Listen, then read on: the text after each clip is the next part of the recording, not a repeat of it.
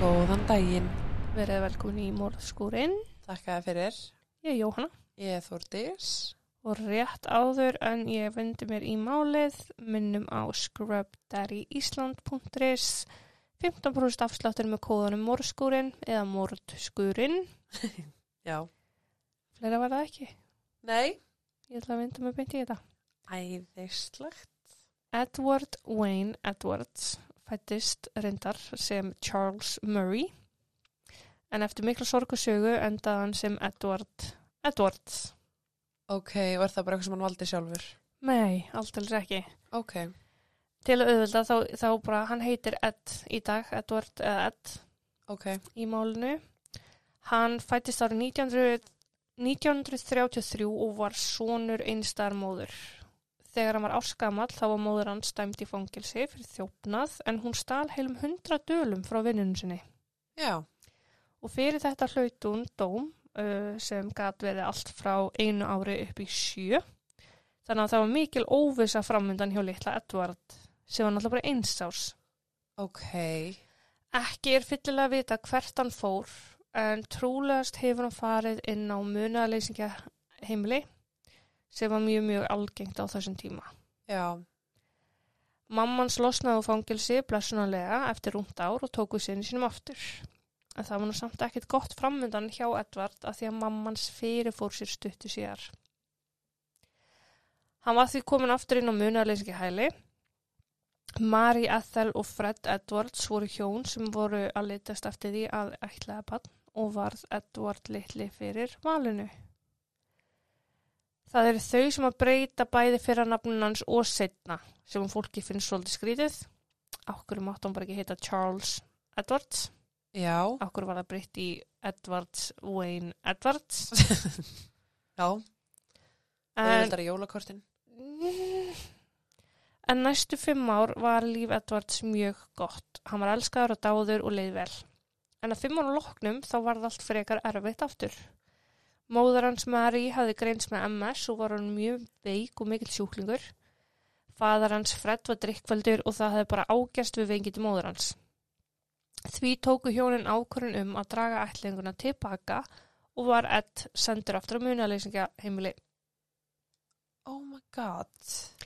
Hann endaði nú á katholsku munaleysingja heimili og hann segir sjálfur frá því að þar hafa nú verið beitt mikið ábyldi, honum verið beitt, hann verið beitt, honum verið beitt. Hafa hann verið beittur. Hann var beittur miklu ábyldi. Já. bæði uh, af hálfu drengjana en líka af hálfu nunnana Nun- nun- nunnana nunnana Uh, nunnurnar lömdan, ok Vá, brútal. þegar hann var 12-13 ára var hann vist hent út af heimilinu fyrir óhemjuskap og endaði heima í ömmusni hvort það hafi verið mamma blóðmóður hans eða mamma fóruldra hans sem ætlið hann Já. ég bara veit það ekki Nei.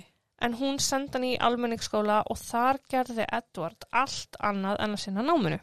Ok. Edward langaði að verða glæbamæður þegar hann er stór.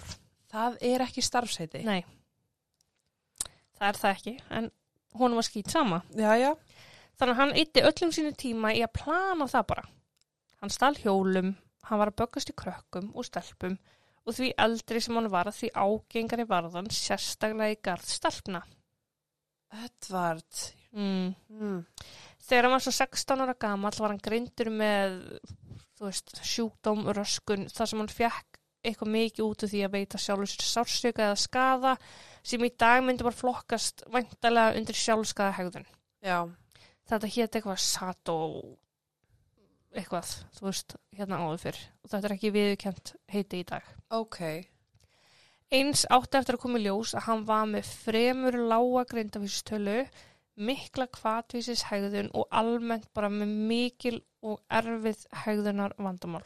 Ok. Þegar hann er 17 ára, Þegar hann er 17 ára gamall gengst hann til liðs við sjóherr bandaríkina. Hann hafði verið í úlingafangilsi þetta ár þegar hann strauk þaðan og skráði sér beint í herin. Mér finnst hann vera út um allt. Já, en finnst það ekki skrýta að herin spurði einhver spurninga? Jú. taka enginn test eða neitt á honum andlegt mat til dæmis, ég var að segja þér frá bara frekar alvarlegri greiningu Ég er að segja, þú mátt, maður með sjálfskaði hegðun hefur ekkert að gera í herin ekki- eh, mátt ekki einu svona vinna í laurugluna í Íslandi eða þú ert með að í hátíð, sko. nákvæmlega það fóru mínu draumar þeir leiði hann bara að koma allana og vera bara með í hernum þeir voru hins vegar ekki lengi hendan út en það var samt ekki fyrir hann, hann hérna went AWOL Ok, sem því er þú lætur hverfa annars að láta nokkvæmt mann vita og þú lætur engan ná í þig já, uh, og það er sérst brot á hérlögum. eh, væntanlega. Já. En svo fóru fréttast að hann hafði verið handtekinn fyrir tugi innbrota. Þannig að hann var orðin glæpamaður eins og hann hafði viljað. Já, Árið 1961 er Edward 28 ára, giftur og skilinn fjórum sinnum og komin á lista uh, hjá allríkislauruglu yfir mest eftirlýstra eða most wanted list. ok, Hann var stanslust að framjá vopnu rán og handtekinn til skiptis, svo fór hann í fangilsi og svo braust hann út úr fangilsi og þetta var bara orðin ykkur leikur hjá hann. já, 1962 þá náði allríkislauruglan í raskadaðanum og hann var handtekinn og dæmdur í 16 ára fangilsi. En eftir sjöð þeirra þá náði hann að sannfæra áfriðunar nefndina að hann var í breyttum aður og hann hefði staðið sig svo óbúslega vel í bæði vinnu og námi í fangilsi. ok, Eftir að hann losnaði úr fangilsi þá flutti hann til Akron í Ohio og þar kynntist hann konu að nafni Kay. Hann fjall fyrir henni killiflatur en hann var skítrættur um að segja henni frá fortíð sinni. Hann átti reyndar eftir að fá tækifæri til að nota fortíð sína til góða en hann var beðin um að koma og vera með forvarnarspjall við háskólan í Akron um sína fortíð. Og hann var nú heldur betur til í það. ok, og þetta var hans framtíð. Hann túraði bandaríkin og vann þessa fórvarnavinnu en mörgum fannst hann bara vera að strjúka egoinu sínu. Hún fannst hann freka flottur, hann talaði ekkert af mikill skömm og var bara, þegar ég var glæbamaður. akkurat, Á þessum tíma eignast hann fimm börn með Kay, eiginkonsinni, og leit út fyrir að vera bara maður í miklum bata, bara fyrirmynda gaur. En þó hann eitti deginn með að tala við krakka um að gera ekkert af sér, þá lamdi hann konunni sinni í spað heima fyrir á kvöldin. ok, Ekki er allt sem sýnist og allt það. nei, svo er ekki, Dóttir hans, Ed, heitir April og hún man eftir því að hann hafi reglulega vakið fjölskylduna um miðja nætur og bara, jæja, nú ætlum við að flytja. Öllu pakkað, allir út í bíl og hann sagði að þetta væri bara alltaf fyrir vinnuna. En það var nú trúlegast ekki fyrir vinnuna úr því að við erum að ræða Edvard hér í dag. eh, akkurat, Edvard hjælt áfram að koma fram, hann kom fram með sjóarpi þegar leið á, útvarpi, hann skrifaði bók og hann var bara orðin svona algjör kall í þessum forvarnar business. bara þú veist ekki stela hjóli eða, ok, þetta er samt alltaf forvörð, hann er að greiða mökkulega peninga á fortísinni, Já. þannig að hann er raun bara living the good life, Mm -hmm. þannig hvernig getur þú verið að segja að fólki gera þetta ekki þegar No. þú ert bara, Tæmlega. En árið 2009 er April, dóttir hans, orðin fullan kona og Edvard orðin 75 ára og er bara búin að eiga gott líf. ok, er Og hann er bara ennþá að njóta þarna. hann orðinn 75 ára gamall, Já, þarna. ok, 2009. April er að gera upp sína æsku verist vera á þessum tíma. Hún hafði ekkert átt sérstaklega eðlilega æsku. Pappinar hefði látið sig, þess pappinar hefði látið hana og sískin sín horfa á umfjallanir um sótjakillar sem að Edvard var með á heilanum. Hún man að þegar þau voru látin horfa á þessar umfjallanir þá hafi Edvard öskrað reglulega á sjóarpið. Nei, þetta var ekkert svona. Þetta gerðist ekkert, þetta gerðist ekkert svona ok, þess að þegar lýsingarnar á morðunum og atvikum frá Zodiac, já. voru upptaldar. ertu að vera að finna upp hjólið, Nei, ég ætla, nei, ég hafði ekki hugsað um að gera það. ok, ég hef keift það strax, já, en það er samt alveg góð punktar í þessu máli, sko. ok, Hún var farin að pæla núna bara, ok, veit hann eitthvað um þessi tilteknu Zodiac killer morð eða er hann með eitthvað almenna vitnesku um morð? já, Veit hann bara hvernig þau eru framin og ef svo er af hverju ósköpunum veit hann það? Þannig hún ákvæður að opna tölunum sína og besta vin okkar, Google. Hvað fekk hann til að ákvæða að gera það sem hún gerði, finnst mér alveg magnað, en hún fer að leita að óupplýstum málum í öllum þeim borgum og bæjum og stöðum sem að faðar hennar hefði flúið frá með fjölskyldunum sína án fyrirvara. Shit. Og viti menn, árið 1980 þá bjó Edward með fjölskyldunni sinni í Watertown í Wisconsin. Eina nóttina vakti Edward fjölskylduna og hendi þeim öllum út í bíl. Þessa nótt höfðu tvö ungmenni horfið úr brúðköpi. Það var það sem, þau voru, sem að April var að koma á staðarna. Það höfðu verið þau Kelly Drew og Timothy Hack. Og það vildi svo styr... Fuck. Já. það er ekki hakk þar á hór. Uh, Það vildi svo skringilega til að fadir April hefði unnið sem smiður á þessu brúðköpsu venjúi. já, ok. Mm Mhm. Tilviljun. Kelly og Timothy fundust látin, stungindi bana á kornagri tveimur mánuðum eftir hvarfera og málið þeirra fekk nafnið Sweetheart Killings. Æi. Það hefði alltaf verið óupplýst af því að lífsýni hefði fundist á vettvangi og engin samsvörun hefði fengist. Ok. Nú átti það eftir að breytast. En uh, uh, ef að DNA finnst á þeim, brotin hans voru orðin svo gömul að það var engin gagnagrunnur. Hann var hættur að brjóta af sér þegar að lífsina gagnagrunnurinn ok, make a sense. mm I get it. þetta var það fyrsta sem ég spurði sjálf Mhm. Já, mig, sko. ég bara, what? April hafði samband við rannsóknarlauruglumannin Chad Garcia og sagði honum frá þessu öll, öllu saman og bara þvílík fucking kempa að vera bara, herru, ég ætla bara að tjekka á þessu Já, Chad var ekki lengi að gangi málið og fór að kanna söguna sem að April var að segja honum. Þetta átti allt saman eftir að taka tíma en sami grunur hafði vaknað hjá Chad og innan skams var hann komin til Louisville í Kentucky þar sem að Edward bjó núna já, og Chad var með stefnu. var sérst að stefnunum. Já, Ed átt að veita Chad lífsinni sitt til samanbura við það sem að fannst á vettvanginum. Ah, og það er bara út af því að April hafði samband. Já, og það stemt allt. Þú veist, hann hefði búið þarna, hann hefði unnið þarna, þú veist, á þessum tíma það hefði verið réttast að skoða hann, hann var ekki skoðaður, þannig að það var að skoða núna. Geta fleiri verið eins og April. Mm -hmm, ángríns. Það átti vissulega eftir að koma í ljós þarna að lífsýni Edwards var nákvæmlega það sama og hefði fundist á morðvettvangnum frá 1980. Edward var tekinn til yfirheyslu og án þess að reyna að neyta fyrir neitt þú veist, hann hóst bara handa við að segja frá lífu sinu síðustliðin ár. Ok, Edward sagði frá því að árið 1977 hafði hann framið sín fyrstu morð. Billy 21 árs og kærasta hans, hinn hin 18 ára djútið, hafði horfið sporlaust í ágústbyrjun þetta ár. Bíllinn hans Billy hafði fundist yfirgefin á bílastæði þann 7. ágúst með veskið hennar djútið og skónum hennar inn í en engin önnur ummerki um þau eða hvað hefði getað komið fyrir þau. ok.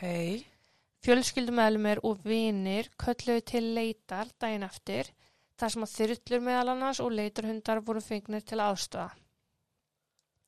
Leitin tók ekki mjög langan tíma en Billy og Judith fundust látin, skotin til bana á agri ekki mjög langt frá það sem, þaðan sem að bílinn fannst.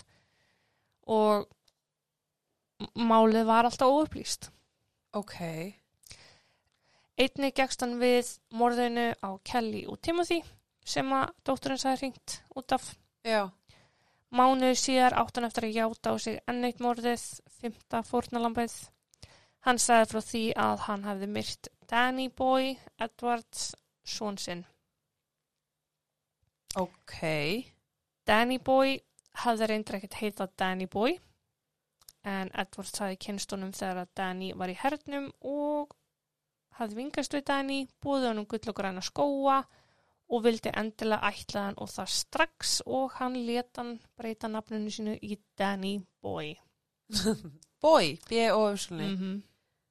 á skrá, þjóðskrá, Já. samfittir mannana í bandaríkjunum, þú mátt heita Batman Superhero Bói. já en já, hann ætlaði þar hann og Dani hefur trúlegast ekki átt neitt mikið af fjölskyldu af því að þú veist, hann þykkur þetta bóð sko 25 ára gamall Já. Edward neyðir hann til að fara AWOL úr hernum sem enn og aftur er brot á herlögum. Þannig að Danny bjó bara þar með Edwards og hans fjölskyldu, AWOL. Ok. Á meðan Danny Boy vandist þessu nýja góðu lífi þá keifti Edward líftryggingu á þannan nýja són sinn upp á 250.000 bandarækjadali. Geta við, hvað heldur að svona líftrygging kosti? Öruglega ekki mikið. Þú veist, ertu að borga 20 skall á ári og svo deyr manneskjan og þá færðu Já, 250 dollara. eða þá þú borgar bara eitthvað feita summu í þrjá mánu þangar til að líftryggingin tekur gildi. Já, og svo náttúrulega, þú veist Já. drepa. akkurat. Einn daginn fór svo Edvard með svon sinn út í skó skaut hann tvisasnum í andlitið og gróf hann í grunnri gröf listi svo út peningin þegar Danni hefði verið útskurðað látin eftir að hafa verið týndur í einhvern x-langan tíma Það átti veiðumæður eftir að finna líkið af Danni einhver síðar í skóginum þannig að þetta hefur fengið staðfest þú veist að hann var dáin Edwards lifði svo bara góða lífinu á þessum pening sem hann fekk úr líftryggingu Dani og enginn spurði neittna spurninga. Er þetta fólk sofandi sem er að vinna þarna? Mm. Þú veist, við vorum að, við vorum að klára málið þitt sem er svo andstæðan við þetta, sko. Já, Það sem vakti óhug rannsakanda var hvað hann var bara til í að viðukenna þetta allt saman án þess að hika. uh -huh. Hann var bara stoltur og síndi bara mikil og bara öll merki þess að vera narsisisti. já, Hann gekkst bara við öllum orðum sem voru nefnd við hann en Chad, rannsóknulauruglumæðurinn, er vissum að Edward sé segur um að minnsta kosti sjö önnur morð sem hann telur sér sem sagt geta bara staðfest að Edward hafi framið. ok.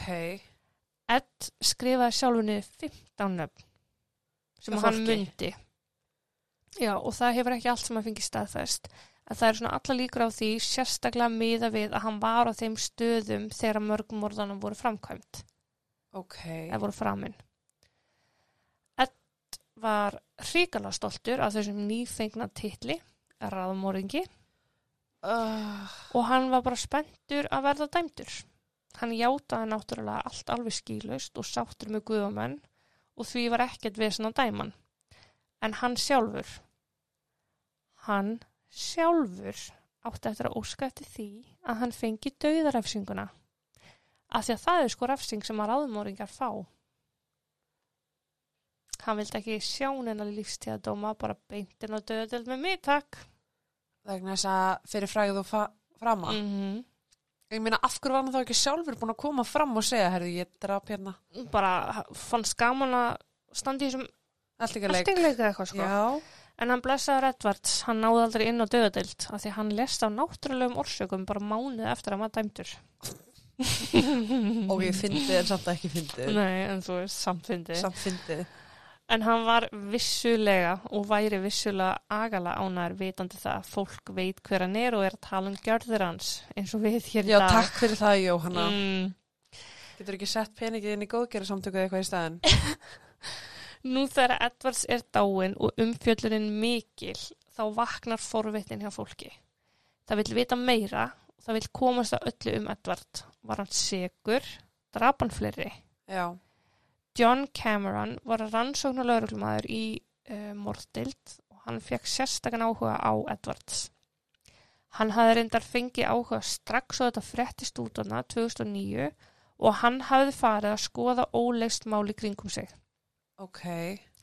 Þar sem að Edwards hefði myrt tvö ung pör þá fannst John viðegandi að skoða slík mál í kringu sig og hann átti eftir að finna eitt ólýst slíkt mál frá árið 1956 en það gerðist í Great Falls í Montana. Þá er hann 23 ára, Ok. Edward. Tvö ungmenni höfðu fundist myrt á svona Lover's Lane, svona sleikstað Já, og málið þeirra hafði aldrei verið leist. En það vildi svo til að Edward Hann bjó bara rétt hjá á þessum tíma og hafði hlotið ansi marga fangilstóma í Montana fyrir alls konar brot og því er svona gert fastlega ráð fyrir því að hann hafi myrt þetta unga par líka. Mér finnst hann alltaf vera að myrða pör eða t- Já. þú veist, eh, fólk sem er saman. Mm En hvernig er þetta fólk að deyja? Skotsár. Skot stungin til skiptis. Ok. Úr því að John átta sig á þessari tengingu þá bara ákveður hann að dempa sér allur í þetta og hann bara segir upp vinnunni og bara tilengar lífu sínu í að skoða óupplýst mál og tengja þau við Edward. Ok, mér finnst að fólk eigi að fá borga fyrir það. Uh, hann fór svolítið overboard sko. Ok, kannski ekki borga fyrir það. Nei, og nú verður þetta allt sem að voðalega skrýta og við erum að fara að ræða rosalega skrýtna hluti. John er handus um það að Edward hafi myrt. Ertu tilbúin? Alla sem að sóti ég. John Benet Ramsey, Ha? Lacey Peterson, hún var ta- þessi- það það er talið að hún hafi verið myrt að eiginmannu sínu skott. Hún Já. var kasólett. Teresa Habach, Stephen Avery málið, Making a Murderer. Já. Þá er hann líka vissum að hann hafi myrt Adam Walsh, litla strákin sem ég fallaði um, um daginn í áskriftinni, inn á Pardus. Hann er vissum að hann hafi drefið Chandra Levi, það er mál sem ég reynda þekki ekki, Ég þekki það mál. Já, en það er Reyndar. mjög high profile. Já. John heldur að Edward hafi einhvað með hvarf Jimmy Hoffa að gera en Jimmy Hoffa er almennt talin hafi verið myrtur á mafjunni Já, þetta er samsæriskenningamál. Já. og sko fullt af öðrum en hann telur hann líka að vera segur í máli drengjan í West Memphis 3 og að loka um Black Dahlia en Black Dahlia máli gerist þegar Edwards er sko 13 ára en John er samt bara handvissum þetta allt saman Já, 13 ára gæja og bara taka sög og segja einhverja Nákvæmlega konu í... Hann skrifaði um þetta bók og grætti fylgda pening og hann átti eftir að fara í fullta viðtölum og þar talaði hann einmitt um að hann var viss um það að Edward væri bæði The Atlanta Child Killer og The Zodiac Killer. Hann taldi að bókin sem að Edward, að því að Edward skrifaði bók, var ríkur að því að hann var með fyrirlestra, skrifaði bækur Uh -huh. og allt þetta en hann skrifaði sér bók mörgum árum áður og John telur að það væri bara skrá yfir öll mól sem hann hafi framið og það er svolítið svona modus operandi hjá Zodiac Killer Ok. að vera með allt svona í svona ciphers og svona Já. inn á milli línana hann er líka viss um þetta að því að það voru sér að á 1969 og 1970 þá sendi Zodiac Killer tvö bref Ok. Uh sem að stóði í ef þú leysir þetta þú veist þessa ráðgötu þá kemst það nafninu mínu um, Zodiac Killer skrifaði 13 stafa mynda blað Já. nafnið hjá Ed, sem sagt Edward Edwards er 13 stafir Ok. um, og það sem hann telur að Ed hafi gert var að taka sitt nafn og skipta því út fyrir alls konar myndir og tákn sem að tákna þessa stafi Uh en sem er bara svolítið mikið vesna að leysa og hann hafi gert þetta til þess að þú getur aldrei leist mál Zodiac Killers nema þú myndir þekkja nafnið Edward Edwards Ok. og Edward Edwards vildi náttúrulega vera frægur Já. núna veit fólk nafnið hans þannig að nú ætlaði John að fara að reyna að leysa Zodiac Ok.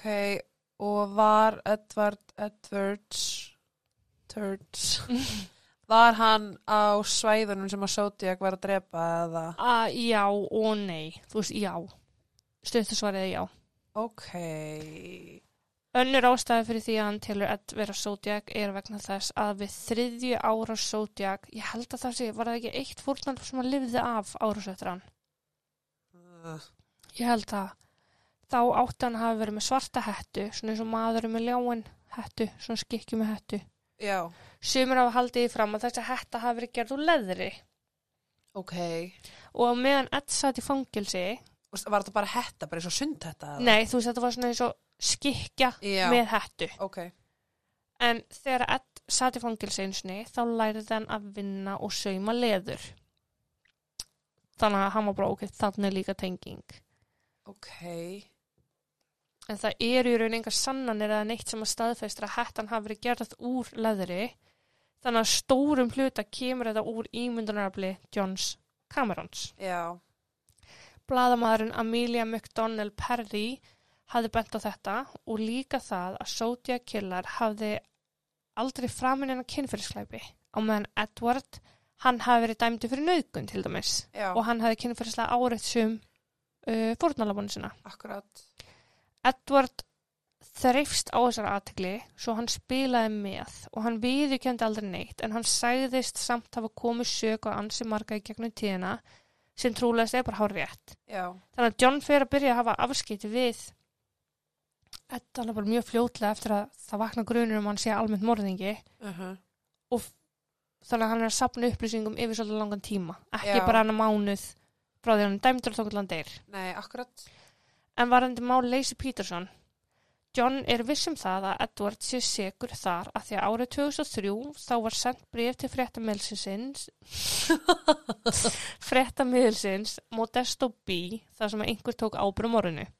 Ok. Eitt orðana í þessu brefi var me eða ég og þar sem að þú getur snúið M-unu í E þá færðu E-E sem væri Edward Edward. Hauðsuna mér er svo steiktur Já. akkurat núna, sko. sem hlíti þá að Að því að vera. hann sé segur í hauga Johns. Uh. Ok. Þetta er svolítið iffi. Þú veist, en eins og hvað með John Benet? Uh, já, það bara, Bara einhver, engin tenging það er engin, nema, nei, þú veist það nema hann bara, kannski var hann á staðanum með eitthvað. En ég meina, Zodiac draf, uh, þú veist, fullt og hólki. já en ekki, þú veist, John, æ, ok. Nei, þess vegna heldur hann að hann hafi verið John Benet, Atlanta Child Killer og svo bara fullt og random. Þannig að Zodiac eru en ekkert Zodiac heldur Zodiac eru margir.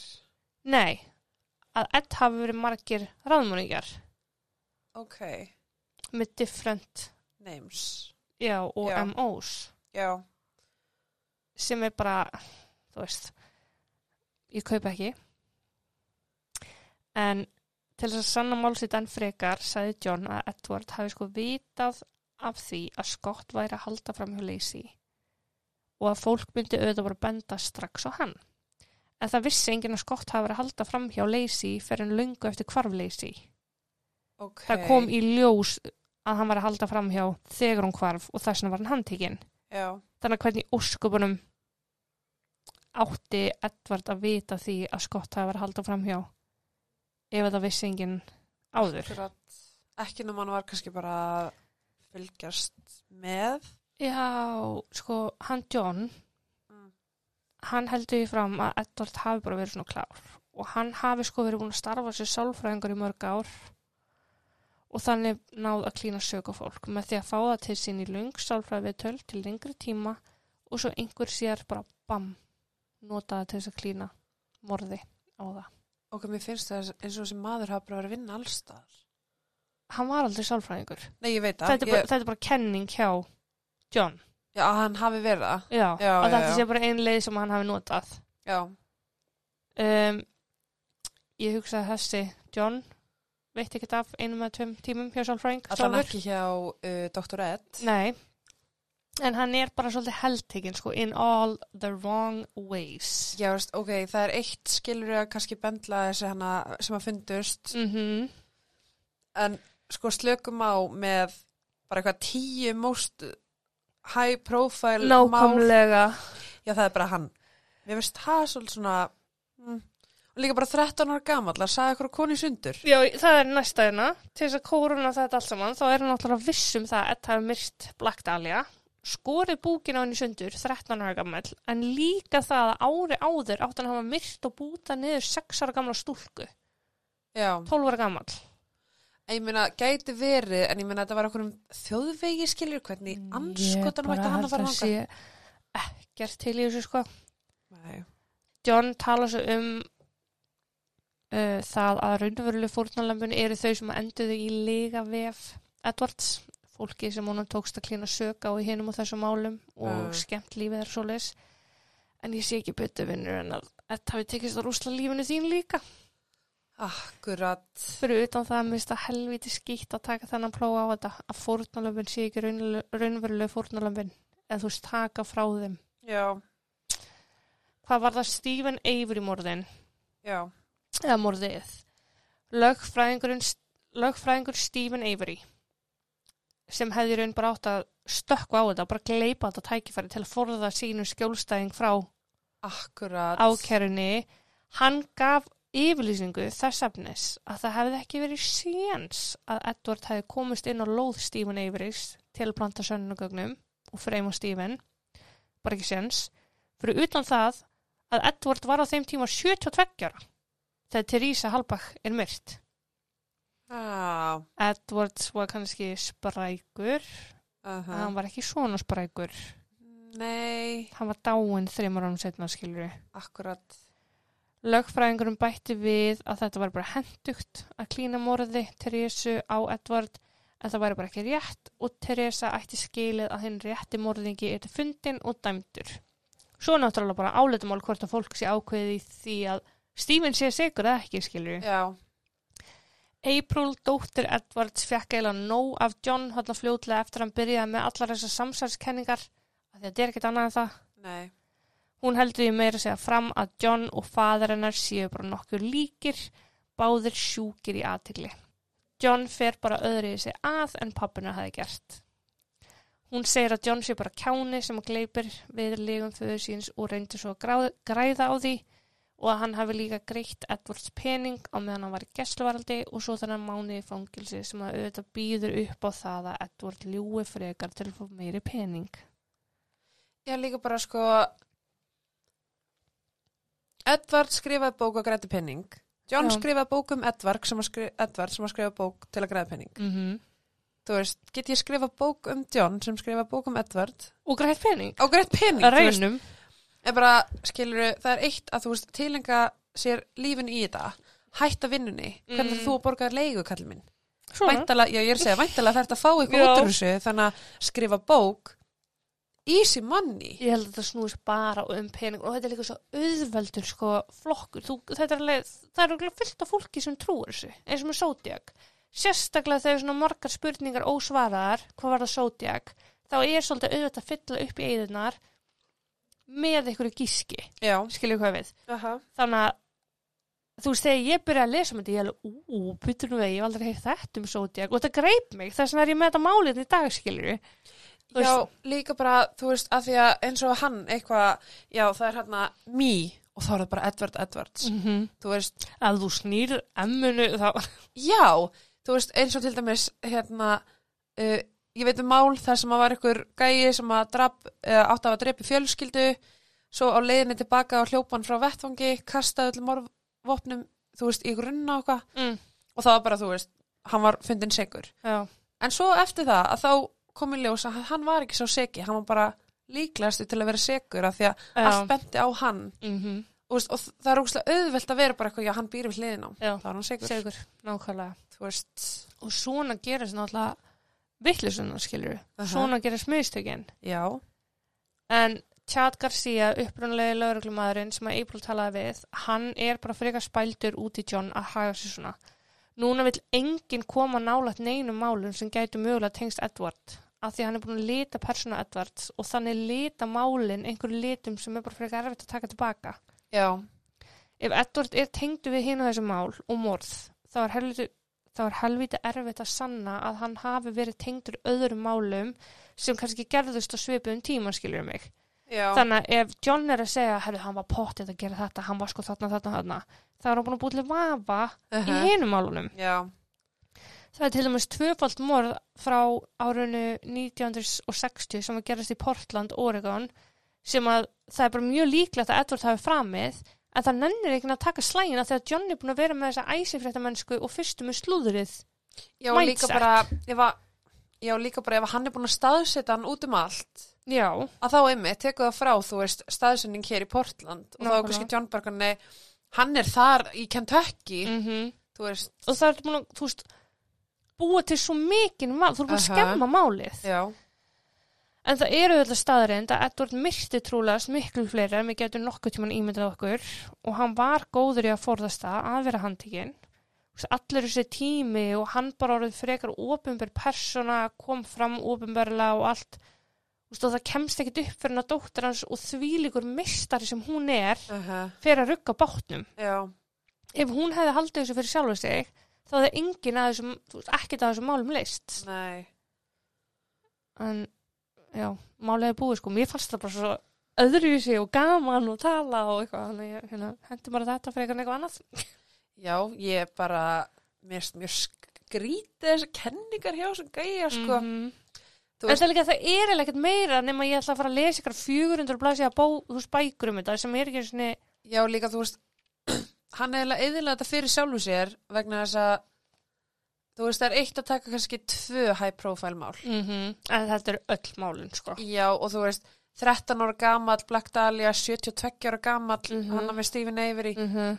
var bara eitthvað svona, uh, er það samt? margt, þú veist, það má margt á milli vera og eins og þetta með sálfræði þú veist, maður er bara hættur að taka marka á honum Já, líka bara að þú veist, bandaríkin er svo ógeðslega stór að Mhm. þetta er ekkert þannig eitthvað að hann býr, þú veist, í Alaska eða eitthvað og, og Stephen Avery býr í New York, skiluru, Mhm. og hann er morðinginn. Þú Já. veist, maður verður að taka inn í myndina, hann þarf ekki að vera á staðnum til að myrða. þegar þetta gerist nákvæmlega Já, þannig að þú veist, það er ekki, já, hann, alltaf, hann næra tengið þetta einhvern veginn og svo er náttúrulega hann bara með rauk bara, já, ég get ekkert sagt fyrir vískvort hann hafa verið þarna eða ekki uh -huh. þú veist það er náttúrulega bara, hann er með sin Út af því eigin vafa sem býr til meiri trúveruleika á mörgu leiti fyrir marga sem er að meðtaka upplýsingarnar að Mhm. því að þú veist, who knows hvort Mhm. hann hafi verið þarna eða ekki, Nákvæmlega. nema kannski dóttir hans, en þú veist, he's dead, Dóttir hann getur hans- ekki sagt það. nei og fyrir þetta að hann myndi örgulega bara viðkend allt sem hann skilur Já, og myndu, já, einmitt, Þú vilja veist- bara ekki, ég gerði þetta, já, setið þetta á mig. bring the bara news, þú veist Já,